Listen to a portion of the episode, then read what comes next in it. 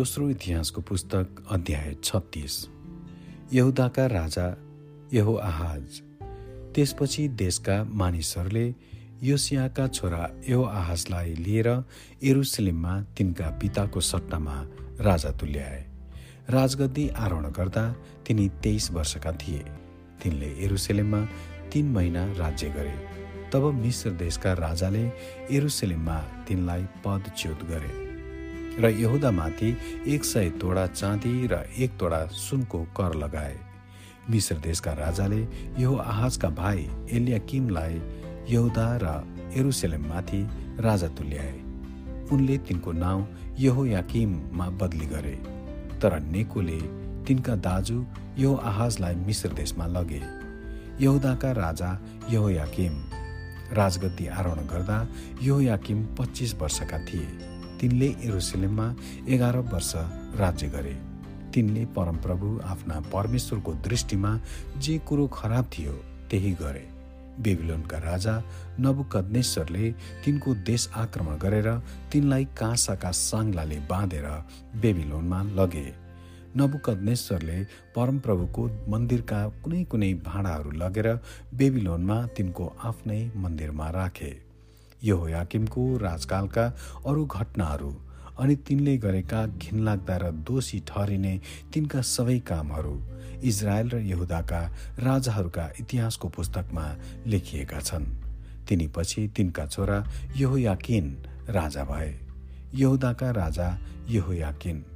राजगद्दी आरोहण गर्दा यहोयाकिन अठार वर्षका थिए। तिनले एरुसलेममा तीन महिना दस दिन राज्य गरे। तिनले परमप्रभुको दृष्टिमा जे कुरो खराब थियो त्यही गरे।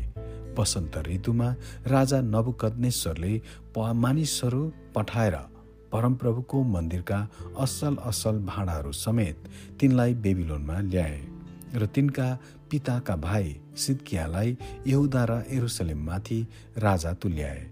यहुदाका राजा सिदकिया।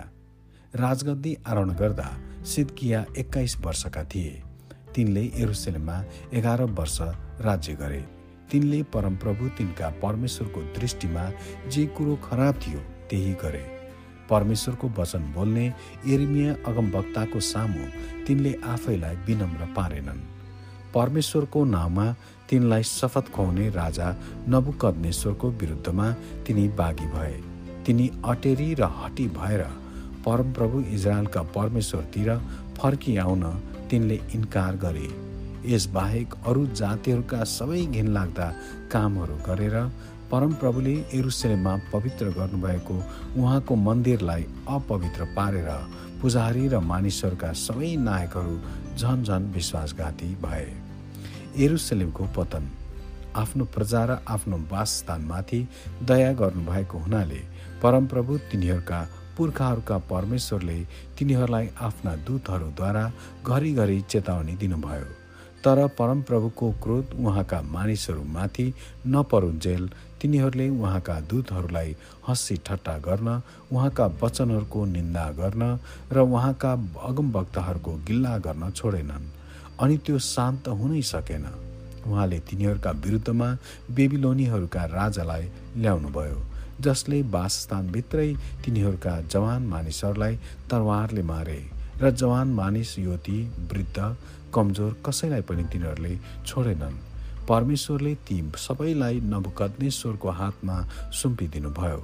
उनले परमेश्वरको मन्दिरका साना ठुला सबै भाँडाहरू र परमप्रभुको मन्दिर र राजा र तिनका अधिकारीहरूका दामी दामी थोकहरू सबै लगे। उनीहरूले परमप्रभुको मन्दिर जलाइदिए। र एरुसलेम सहरको पर्खाल भत्काइदिए। उनीहरूले सहरका सबै महलहरू जलाइदिए अनि त्यहाँका सबै दामी दामी सामानहरूलाई सर्वनाश गरे। तरवारबाट उम्केकाहरूलाई उनले कैद गरेर बेबिलोनमा लगे र फारसको राजसत्ता नहुन्जेल तिनीहरू उनका र उनका छोराहरूका दास दास्य भए। एर्मिया अगमभक्ताद्वारा परमप्रभुको वचन पुरा हुनलाई सत्तरी वर्ष पुरा नहुन्जेल इजरायलको देशले विश्रामको पुरा समय नकाटुन्जेल। नाश भएको सबै समयभरि नै देशले सवादको विश्राम पालन गर्दै रह्यो।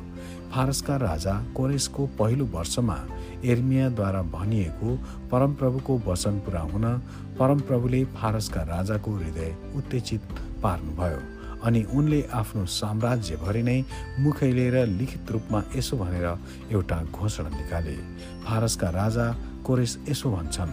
परमप्रभु स्वर्गका परमेश्वरले पृथ्वीका सबै राज्य मलाई दिनुभएको छ अनि उहाँले नै मलाई यहुदाका एरुसलिममा उहाँको निम्ति एउटा मन्दिर बनाउन आज्ञा गर्नुभएको छ।